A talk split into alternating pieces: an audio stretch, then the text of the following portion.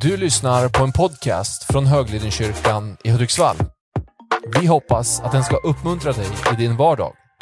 För att få mer information om oss och allt som händer i kyrkan, gå in på höglidenkyrkan.se. Ja, tillbaka till brottsplatsen. Eh.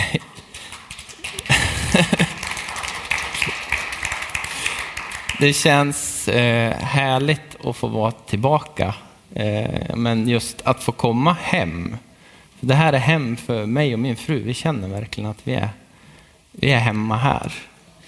Men för mig blir det också det blir dubbelbottnat. Det är också hemma hos Herren igen. Eh, för eh, ja, men fem år sedan då, då brände jag ut mig. Och då liksom, ja, men allt raserade för mig. Eh, men jag, jag kommer lite mer detaljerat till det. Eh, vi börjar läsa ifrån eh, Lukas evangeliet. Lukas 5 från vers 33. Jag har varit inne på det här förut, men jag upplever att ja, men stå kvar, stå kvar i det här. Sök inte något nytt budskap bara för att.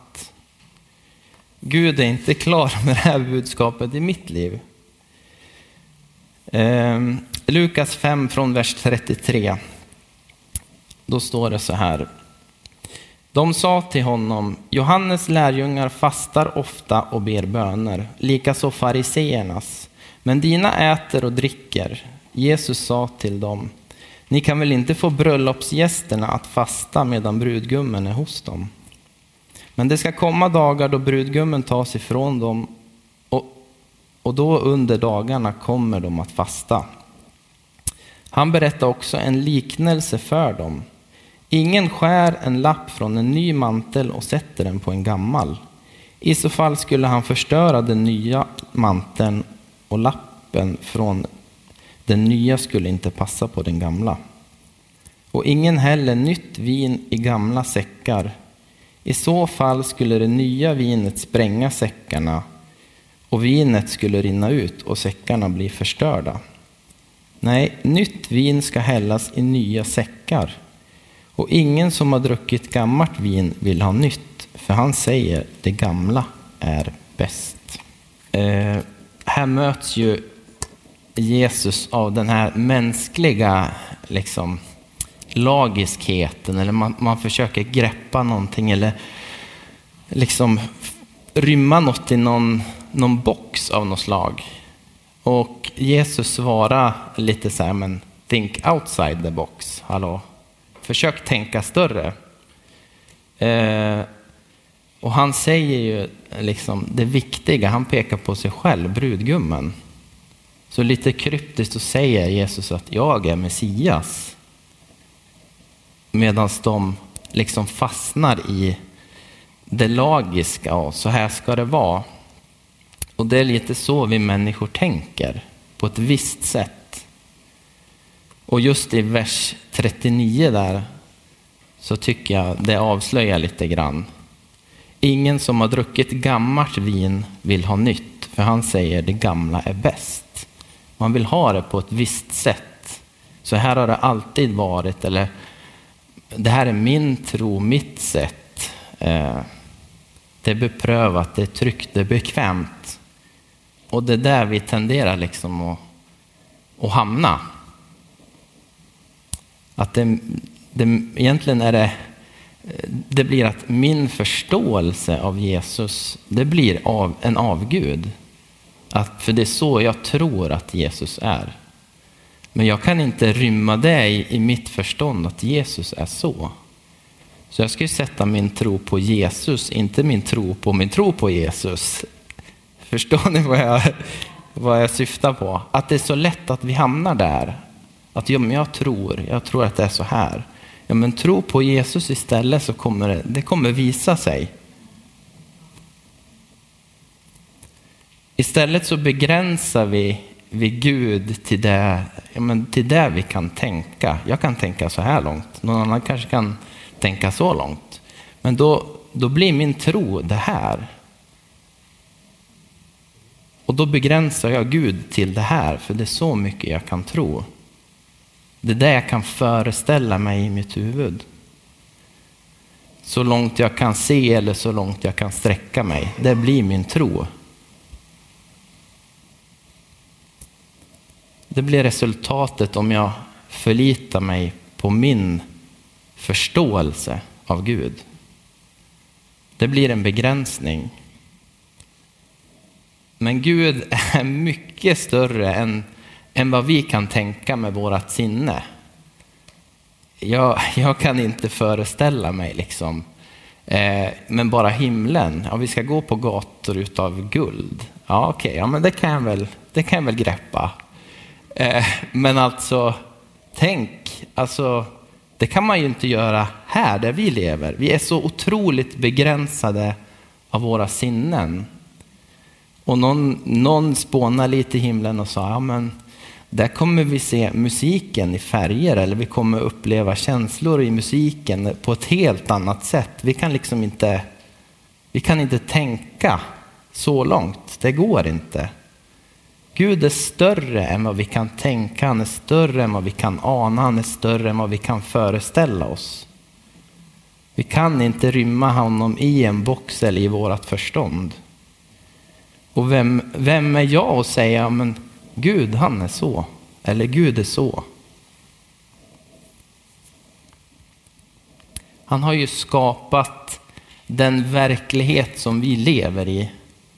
Han har skapat universum, jorden och alla lagarna som finns, liksom alla naturlagar.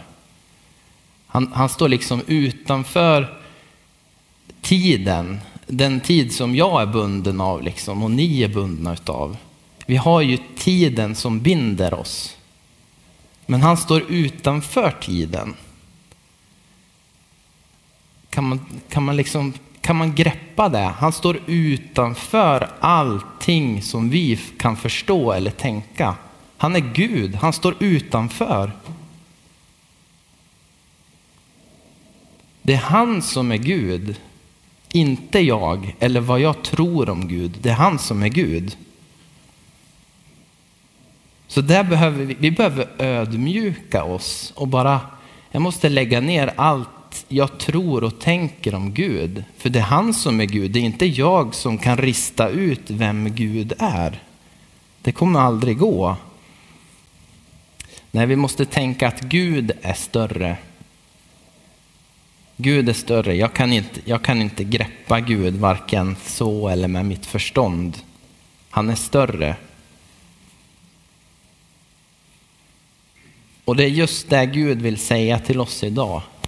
Jag är större.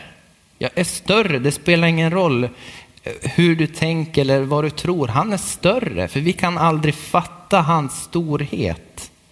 Det kommer aldrig gå. Så vi behöver ödmjuka oss och lägga ner allt eget. Han är större. Han är större. Det är han som är Gud. Och det är jag och mitt förstånd som står i vägen för att Gud ska kunna verka i mig och genom mig. Det är jag som står i vägen.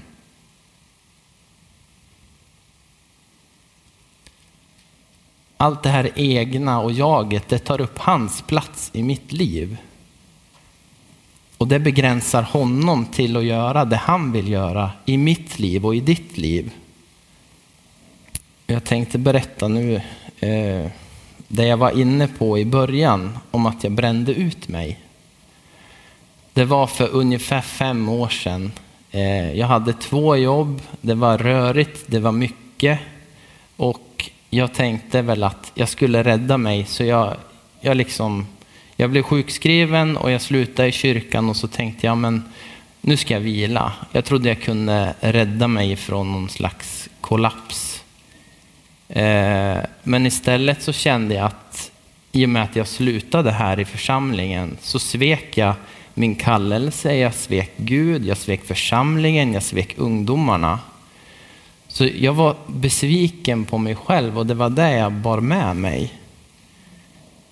Och så, det behövdes liksom inte mycket en kommentar eller någonting sånt så kände jag bara, ja nej, jag är, jag är värdelös. Varför gjorde jag så här? Det är ju... Och jag började tvivla på min tro, jag började tvivla på min kallelse. Och det här liksom, det ledde ju till en, en depression. De här lögnerna, de börjar liksom krypa in. Ja, men är, är du verkligen kallad av Gud? Du kanske har hittat på det här själv. Och så liksom fick det, det fick rum i mig. Eh, så jag, jag blev utbränd. Och jag, och deprimerad speciellt, det var liksom tröttheten kanske jag hade kunnat räddat. Men det var inte det som blev, utan det var lågläget och så kom depressionen liksom och la sig ovanpå. Eh, jag hade ingen energi att klara av en vardag. Det gick liksom inte. Jag orkade ingenting. Den första perioden då, då gick jag mellan sängen och så när jag vaknade då gick jag och la mig på soffan. Och så på kvällen då vart det sängen och så höll jag på så här. Eh, jag orkade inte gå till Ica och handla mat när vi bodde här borta. Och vad kan det ha varit? Två kilometer. Eh, det gick inte. Det var liksom tvärslut. Men åren gick och jag kunde väl liksom förlika mig och bearbeta allt som hade hänt. Så den här tröttheten, den var borta. Men jag klandrar fortfarande mig själv. Jag hade inte förlåtit mig själv.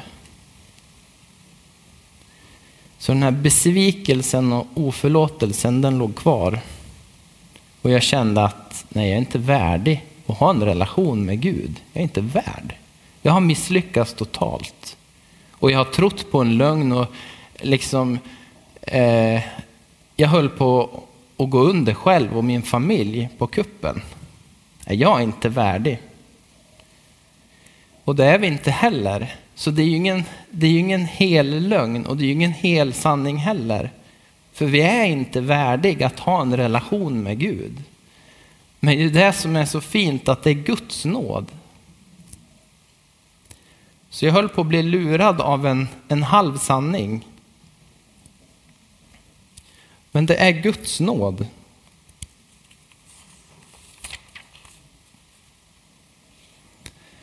Och där kom ju liksom mitt mänskliga sätt liksom att tänka in att amen, nu har jag ställt till det här, amen, då, ska jag, då ska jag försöka fixa det här, jag ska, jag ska försöka lösa det här så ska det bli bra. Och när jag har liksom när jag har upprättat en del här, då ska jag vända mig tillbaka till Gud. Och jag, jag försökte med allt möjligt. Jag läste, ja, men hur kommer man ur en utbrändhet? Vad ska man göra? Jag försökte vila, jag försökte allt möjligt. Kost, träning. Och det var väl lite så här, ja, det gick någon dag och så. Och sen var man däckad. Eh, men jag kom liksom aldrig över det. Jag kom aldrig ur det. För det var inte de här sakerna som jag behövde. Det var inte det som saknades i mitt liv. Utan det var Gud i mitt liv som saknades. Och då kom jag till insikten att jag kan inte bära allt det här egna. Jag måste lösa, jag måste fixa, jag måste eh, liksom ordna upp det här. För då spelar jag ut nåden på något vis.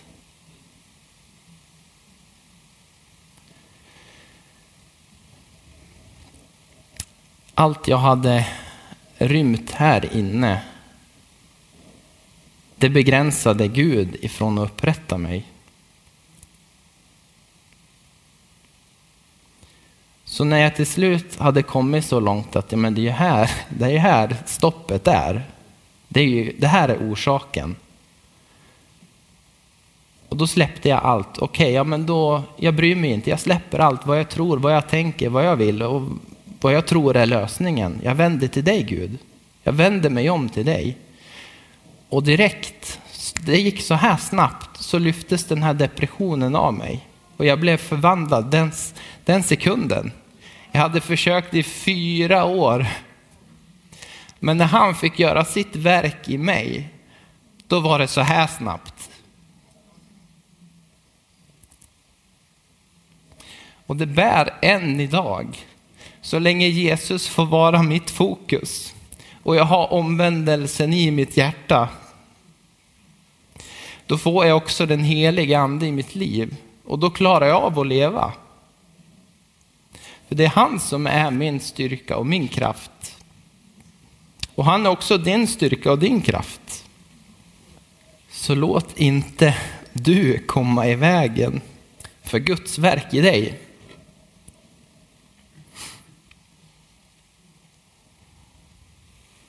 Och det handlar inte om att vara duktig. För det handlar inte om oss. Det handlar om han och hans verk i oss.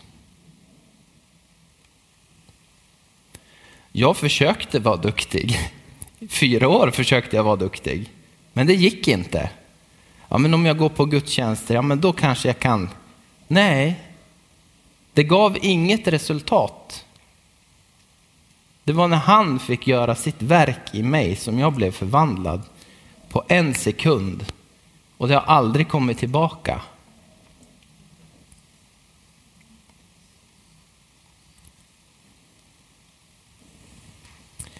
Vi går tillbaks till Lukas 5 från vers 36.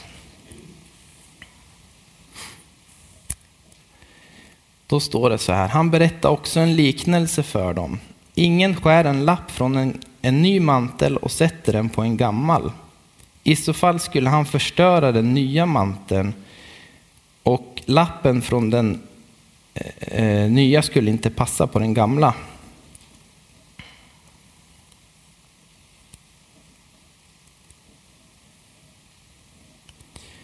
Vi kan inte ta någonting nytt ifrån Gud och implementera det i någonting gammalt.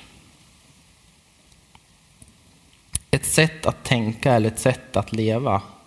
Jag hade min gamla mantel där och jag försökte liksom lappa, lappa den här manteln, men det gick inte. Den nya manteln den förstörs och det passar liksom inte till den gamla. det nya som Gud vill ge oss. Så vi kan inte leva vårt gamla liv eller i vårt gamla sätt att tänka. Vi kan inte leva oförändrade liv. För då kommer man komma till en punkt som jag kom till. Det går inte längre. För att man har byggt på för mycket eget. Som man tror eller som man tänker eller vad man förväntar sig. Vi kan inte leva kvar i någon gammal synd eller någon, någonting gammalt och tänka att vi ska få bli uppfylld av det nya vinet som Gud vill ge oss. Det går inte. Det står så i vers 37. Ingen häller nytt vin i gamla säckar. I så fall skulle det nya vinet spränga säckarna och vinet skulle rinna ut och säckarna bli förstörda.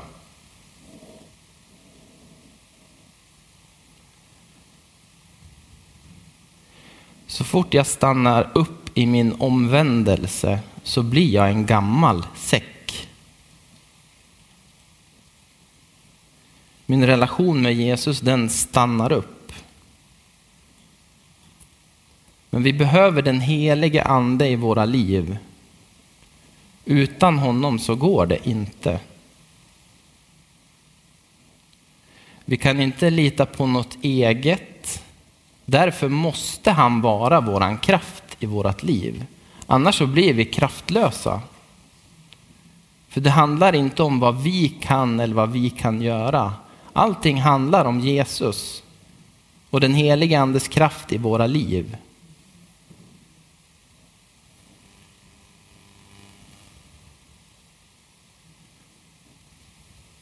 Så håll inte fast vid din gamla mantel när Gud vill klä dig i hans rättfärdighet och kraft, den nya manteln.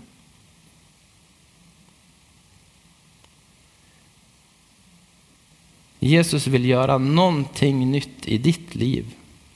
Han vill ta dig vidare. Han vill ta, ta dig vidare över de här pucklarna av allt eget som vi ska snava och falla på.